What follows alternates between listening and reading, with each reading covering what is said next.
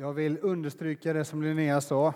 Ja, ja, allt. Men framför allt att vi är väldigt glada att vara här idag. Eh, för mig känns det ju lite grann som att komma hem. Eh, jag är dock väldigt glad att jag inte känner igen alla människor här, för det hade varit tråkigt att efter två och ett halvt år så är det bara samma människor kvar här. Jag är innerligt tacksam för alla er jag känner igen, men också glad att se nya ansikten här. Jätteroligt att få vara på besök här idag. Eh, ibland på Missionscentret så har vi långa dagar, vi, vi pratar mycket och sådär och det kan bli lite mosigt i huvudet och då har vi ett, ett knep för att liksom eh, komma ifrån det och det handlar om att vi plockar mango. Så du som är eh, kapabel att ställa dig upp får gärna göra det nu. Så ska vi plocka några mangosar. Vi har precis lämnat mangosäsongen i Chiang Mai i Thailand och kommit hit till jordgubbssäsong. Eh, men i Thailand så plockar man mango så här. Så kommer man till Sverige, då får man plocka jordgubbar så här. Och där någonstans så har man återfått lite cirkulation i systemet och kan fortsätta med det man håller på med, viktiga saker. Jag tänkte jag skulle säga någonting om vad jag har upplevt är bra mission. Jag kommer inte att göra en lista på dålig mission och bra mission, men en liten tanke om vad som är bra mission. Jag såg min första rysarfilm på bio här för några veckor sedan. Alltså jag gillar inte skräckfilmer och rysarfilmer och sånt där. Eh, jätteotäckt. Men det var några stycken som skulle gå och jag tänkte jag hänger på. Eh, ja, men den var otäck. Jag hade min granne i knät ett par gånger under filmens gång och eh, jag ryckte till sådär. Ni vet, man blir liksom rädd och man vill helst inte vara kvar utan man, men ändå sitter man där för man vill veta hur det går och sådär. Ja, men, men jag har medvetet valt bort allt vad skräckfilmer och sådär heter därför att jag tänker att det är dumt att söka liksom den här rädslan. Den är ju dum. När dessutom Jesus säger att var inte rädd. Det är liksom det budskap han ger oss. Ni behöver inte vara rädda. Och då tänker jag, men då ska jag inte söka det. Men då säger mina kompisar istället, ja men då kan vi ju gå på skräckfilmer, för vi behöver ju inte vara rädda eftersom Jesus har sagt det. Ja. Det var en hemsk upplevelse, men eh, jag överlevde. Jag brukar säga att livet är lite grann som när man kommer för sent till en biofilm. Och ni vet, man, det kanske ni aldrig har gjort, men man kommer in och man liksom försöker hitta sin plats, sätter sig och oh, det har gått 20 minuter av filmen redan. Vad, vad är det som har hänt nu då? Så sitter man där och ägnar första halvtimmen åt att liksom försöka förstå vad, vad handlar det här om? Vem är vem och vem har ihop med vem och varför är alla rädda för det där paketet? Alla utom den personen som tydligen bara vill ha paketet. Ja, och så sitter man där och försöker fundera ut vad är grejen med den här filmen och den här berättelsen. Efter en stund känner man okej, okay, men nu har jag fattat grejen. Nu, nu ska vi se vad som händer. Och så tittar man på klockan och inser nej, jag har ju dubbelbokat mig. Jag måste dra innan filmen är slut. Alltså, livet kan ibland upplevas som att man hamnade ju bara här. Jag vet inte riktigt hur det gick till. Och under lång tid i livet så kan man försöka fundera ut vad handlar det här om? Vad är det för slags berättelse jag har hamnat i? Vad är min roll liksom? Och vart är jag på väg? Och alla de här existentiella frågorna. Och så inser man efter ett tag att nej, men jag kommer ju inte få vara kvar till slutet ändå, utan jag kommer ju att få lämna in innan jag får svar på alla de här frågorna. Livet är lite grann som att komma för sent till en biofilm men också tvingas lämna innan man har sett slutet. Som kyrka och som lärjungar till Jesus så tror ju vi att vi kan ha god hjälp av texterna i Bibeln för att tolka det liv som vi lever. Texter som kanske inte berättar så mycket i detalj om var och ens av våra liv, eh, om våran vardag och sådär, men texter som kan ge oss ett sammanhang till det liv vi lever. I Bibeln berättas många berättelser, men också en stor berättelse som berättas av skaparen själv. Och vi kan få läsa våra egna liv i ljuset av den här berättelsen och då kan vi faktiskt uppleva att vi förstår innehållet i den film som blev vårt liv. Det kan bli som aha-upplevelse. Aha, var det så det var?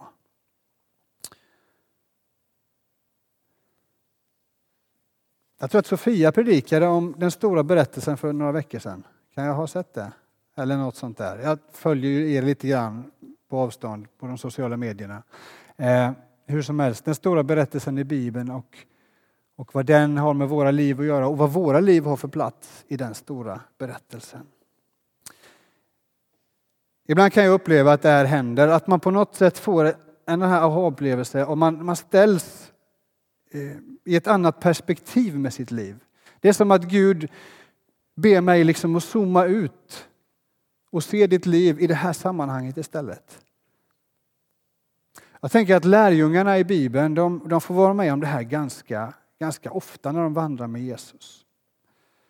Ett sådant exempel är ju när den här påsk dagen, söndag eftermiddag, Jesus har dött och han har också uppstått. Och vi får följa ett par ganska förvirrade lärjungar från, eh, från Jerusalem och de går på en eh, förmodligen dammig väg eh, mot en liten by som, som heter Emmaus. Och de går och pratar med varandra om vad som har hänt och, och försöker på något sätt greppa filmens innehåll. Och rätt vad det är så får de sällskap av en, en okänd man. Till en början är han väldigt okänd och han går bredvid dem och lyssnar på deras samtal. Och efter en stund så undrar han, ja, men vad är det ni går och pratar om? Och så säger de till honom, du, du måste vara den enda människan som har varit i Jerusalem den här helgen, men som inte vet vad som har hänt. Jaha, säger han, ja men vad har hänt? Berätta för mig. Och så börjar lärjungarna berätta att jo, men det var ju den här stora profeten Jesus som Många av oss satte vårt hopp till att nu, nu har Guds utvalda Messias kommit. Men eh, översteprästerna lyckades få honom utlämnad och till och med dödad. Och så, så ja, vi är lite förvirrade för nu kom det några kvinnor som sa och berättade att ja, men han är inte död. Han lever. Vi var vid graven i morse och vi kunde inte hitta kroppen. Vi kunde inte hitta honom. Ja, så några av våra kompisar, de här två som är på väg till Emmaus, de sa eh, dubbelkollade det här. Vi vågade inte riktigt lita på vad de sa. Och de fann att det var som de här kvinnorna hade sagt. Kroppen var inte där och, och våran Jesus, han var inte heller där. Nu vet vi inte vad vi ska tro. Allt är bara så sorgligt. Det är bara så. Vi lämnar det här bakom oss och går vidare. Men då tar den här okände mannen till orda och så säger han, men hörni, nu är det dags att zooma ut killar. Är ni så tröga att tro, säger han, att tro på det som profeterna har sagt? Jag vet inte om det blir lite obehaglig stämning när han liksom frontade dem med det här. Men, men så börjar han att förklara för dem, med början i Mose och de andra profeterna, vem vad, vad de säger om Jesus och vem han är. Och så hjälper han de här lärjungarna att se sina egna liv, sin egen berättelse i det här större perspektivet. Och efter ett tag när de har eh, kommit en bit på vägen, de, de övernattar och de delar brödet med varandra, de äter tillsammans, då förstår de att det här är inte vilken gubbe som helst som har vandrat med oss och som har, som har berättat det här för oss, det är ju Jesus själv. Det är som att Jesus möter dem i deras otro där på vägen. Tänk att det finns en viktig sak minst i det här. Det finns massor med viktiga saker. Men det jag, vill, det jag tänker på är den fråga som Jesus ställer. Vad har hänt? Han uppmanar de här männen att själva sätta ord på sin berättelse. Att uttrycka sig och berätta. Och så lyssnar han. Han skulle ju kunna ge ganska mycket andra, annan information, förstahandsinformation om detaljer och sådär. Och liksom, eh, saker och ting kanske skulle behöva korrigeras, jag vet inte. Men han gör inte det. Utan Jesus han lyssnar och låter deras berättelse stå för sig själva. Men så tar han över när han märker att deras berättelse, eh, när de börjar berätta om att vi har så svårt att tro på det här. Vad, vad ska vi göra? Vi, vi lämnar det här bakom oss. Då tar Jesus vid och hjälper dem att se det som de kanske har hört många, många gånger innan. Han påminner om det. Hörrni, så här är det ju. Stanna upp, tänk till, zooma ut och få ett annat perspektiv. Han skriver dem inte på näsan, men han berättar för dem. Fyller i deras berättelse och sätter deras berättelse i ett större sammanhang. Jesus talar tro och sammanhang in i deras liv. Jag tänker att jag är lite lik Jesus. Men ganska lite. Men jag tycker också om att ställa frågor till människor. Förhoppningsvis blir jag mer och mer lik Jesus. Men jag tycker om att ställa frågor. Det är roligare att fråga någon annan människa om vem han eller hon är, vad de gör och vad de tycker om och sådär. Eh, jag tycker inte att det är lika roligt faktiskt att, att berätta just vad jag gör. Jag kan tycka att det är kul att prata, men kanske inte bara just om mig själv och vem jag är och hur jag upplever livet. Eh, jag är gift med, med min fru som också tycker om eh, att ställa frågor. Och, och liksom, vi kommer på det ibland att, ja, men att vi kan vara någonstans och vi, vi har fått reda på massor med saker om människor men vi har inte sagt så mycket om oss själva. Och när vi pratar så ställer vi mest frågor till varandra också. Vi, jo, men vi pratar mycket men vi, ställer inte, vi pratar inte så mycket om oss själva, eller gör vi det? Ta det här som en parentes då. Jag, jag tänker i alla fall att jag är lik Jesus, att jag gillar att ställa frågor. Vi, vi, vi lämnar det där. Men Jesus han tycker ännu mer om att ställa frågor. Dit vill jag komma i min poäng. Eh, han är så genuint intresserad av varenda människa. Även om han redan vet allt om oss så ställer han frågor. Vad har hänt? Vem säger ni att jag är? Ska ni också lämna mig? Var ska vi hitta mat till alla dessa människor? Vill du bli frisk? Har du mig kär?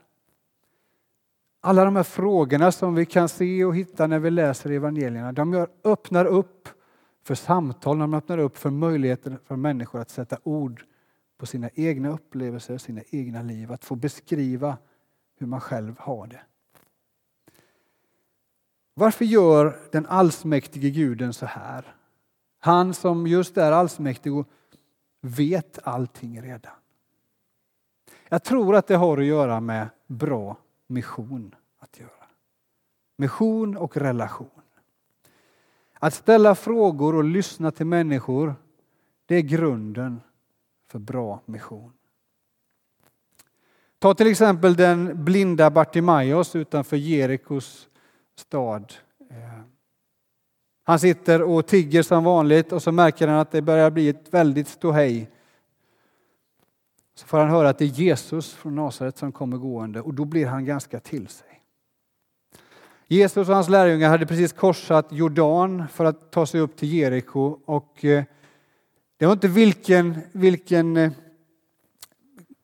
vad säger man, korsning över Jordan som helst, utan här var en ganska symboliskt laddad. Det var nämligen precis samma väg som Josua och folket tog när de skulle inta Israel.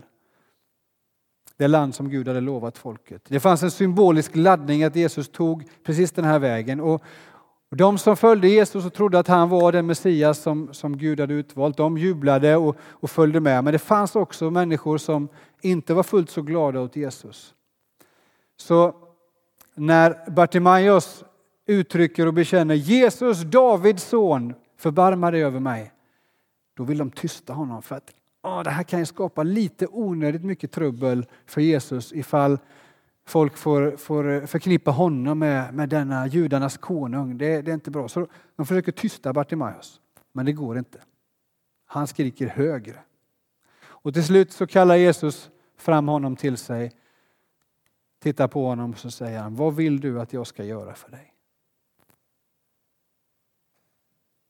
Låt mig få se igen, säger Bartimaeus. Och vi kan ju tycka att det är, det är ju ganska självklart den här frågan, liksom, varför ställer han den? Det är väl klart att en blind man vill väl väldigt gärna se. Jag tänker att återigen så handlar det inte egentligen om, Jesus utan det handlar om Bartimaeus. Det handlar om den människan som Jesus ställer frågan till. Att vi var och en ska få uttrycka våra önskemål och sätta ord på det som vi längtar efter. Det kunde ha varit så att Bartimaeus hade en, en fru eller ett barn eller en granne som hade det eländigt. Hans önskan kanske kunde ha varit så att jag önskar att de här ska få bli helade eller de här ska få det bättre.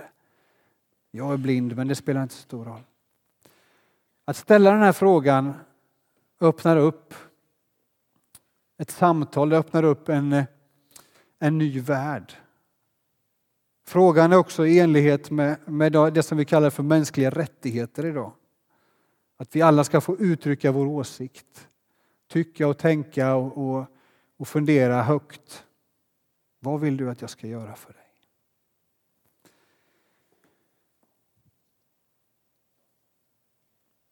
Som Linnea sa så är vi ett stort gäng på missionscentrat i Chiang Mai. Och det är fantastiskt på många sätt. Vi sitter där i, i, i eh, ett rum tillsammans och jobbar med olika saker och plötsligt så sitter det någon och gråter bakom datorn där. Ja, men, eh, men Lasse, vad har hänt? Liksom, Lasse jobbar med hållbar försörjning och, och har jobbat många år eh, i Afghanistan och sådär. Ja, men då har han fått något mejl från någon i Afghanistan och våra, våra vänner där. Liksom. Ja, men nu har eh, jag har fått en mejl från en broder som jag jobbade med tidigare som, som eh, blev kristen och nu mejlar han mig liksom och, och ber om förbön och säger att ja, men vi har det eländigt men det är värt allt. Eh, och så sitter Lasse och gråter och, och liksom ber över det här. Liksom. Och I nästa stund så, så sitter någon annan bak en annan ända av rummet och börjar jubla därför att man har fått igenom någon eh, Eh, någon lagförändring eller kanske någon förändring i, en, i, en, by någonstans som gör att barnen får gå i skolan eller får, får eh, slippa, eh, ja, de behöver inte ägna sig åt massa eh, försörjning som är riskfylld och sådär. Då är det någon som sitter och jublar åt det och sen efter kaffet någon gång framåt två, då jublar nästa person eller gråter över någonting som vi har åstadkommit tillsammans som Guds församling i Asien. Det är jätteinspirerande. Och vi pratar mycket om vad är det här? Hur är det? Hur gör man bra mission? Alltså vi, det finns ju historiskt sett finns det väldigt mycket dålig mission som vi, vi kanske som kyrka inte är så stolta över. Så hur gör vi för att inte göra de här misstagen om och om igen? och Så, där? så pratar vi om det.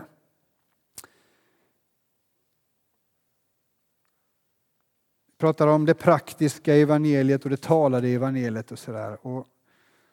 Det som jag har lärt mig hittills ganska tydligt tycker jag, det är just det här med att inte sätta missionärernas kanske talanger och gåvor och, och, och, det vi tror att vi kan erbjuda i första hand. Det är viktigt vad vi kan också.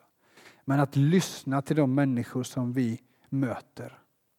Att lyssna till människorna på landsbygden i Nagaland. Vad har ni för behov? Hur ser det ut hos er? Vad kan vi hjälpa med? Det finns ett uttryck i Kambodja som säger att det kan, det, bara en spindel kan laga sitt eget nät. Som alltså handlar om hur, hur att, att det, de egna krafterna att, att eh, förändra ett samhälle, förändra en situation, det finns hos den lokala befolkningen. Men ibland kan man behöva hjälp utifrån att, att se det. Och där kommer vi in som en extern resurs att mobilisera det som redan finns i varje kommunitet, i varje samhälle, i varje grupp av människor. Och det gäller allt ifrån församlingsplantering till hållbar försörjning eller arbetet mot människohandel. Att hjälpa de lokala människorna att göra de här arbetena själva. Ibland behöver de mycket stöd under en lång period. Men vårt mål är ju att hela tiden eh, få, få sammanhang att bli självgående. Att jobba bort oss själva. Vi jobbar medvetet i projekt. Jag vet att en del tycker att det är konstigt att prata om mission och församlingsplantering som projektarbete. Men det är ganska medvetet. För tänker vi, det hjälper oss att tänka i, i liksom, eh, tidsramar. Om ett år då vill vi att ni har kommit hit så att ni kan gå vidare till nästa grej. Det hjälper oss att, att, inte, eh, att, att man inte blir beroende av våran insats.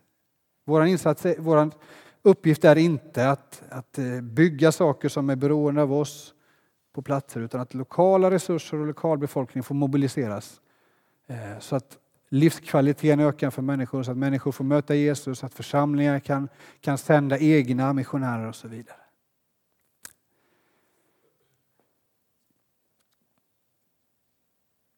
Och jag tänker att den här frågan som Jesus säger till Bartimaeus och som han säger till andra genom evangelierna också, att det är en sån här nyckel till bra mission. Vad vill du att jag ska göra för dig? Jesus fortsätter att säga den till oss som församling och som lärjungar till honom också. Vad vill du att jag ska göra för dig? Och så får vi uttrycka oss om våra liv till honom. Och vi får vara bottenärliga. Vi får berätta hur det är.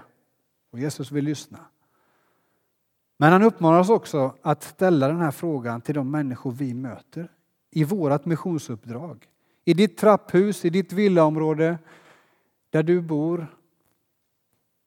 Där uppmanar Jesus oss att, att, att säga det här, att tänka det här till människor. En tjänande attityd. Vad, vad kan jag göra för mitt kvarter här? Vad kan jag göra för dig som granne? Vad vill du att jag ska göra för dig? Och förhoppningsvis och troligtvis så kommer du och jag kunna ge de människor som vi möter en sån här Emmaus-upplevelse.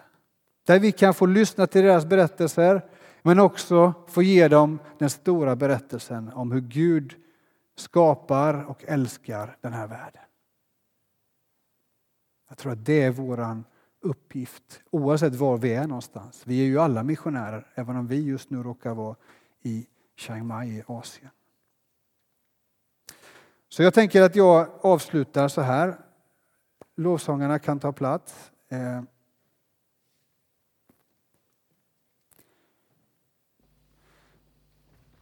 Vill du be för världen så finns det en världskarta. Stanna upp, be för det land som Gud har lagt på ditt hjärta. Vill du uttrycka det genom att tända ett ljus så gör du det. Det är inga magiska ljus som uppfyller våra önskningar, men det är en symbolisk handling om att det finns ett ljus som är större än de här små ljusen och han heter Jesus Kristus och vi får vända oss till honom. Man kan också böja knä på mattan framför korset här. Det finns en burk med lappar där i där många människor har skrivit namn på människor som man vill ska få lära känna Jesus. Antingen kan du göra så eller så kan du stanna där och be för de människorna kan också få personlig förbön inne i bönerummet bakom här. Och jag vill bjuda in dig som, som eh, på ett särskilt sätt upplever att ja, men du, du, ditt liv är som den här filmen som du liksom har kommit lite för sent till. Ja, men du funderar på hur har jag hamnat här? Vad, vad, vad gör jag med mitt liv? Be någon att be tillsammans med dig om att du ska få en sån här Emmaus-upplevelse där du får ditt liv i ett annat perspektiv. Och jag vill bjuda in dig också som eh, funderar på vem ska du säga den här frågan till? Om Gud kanske har någon särskild människa som behöver höra den här frågan. Vad vill du att jag ska göra för dig?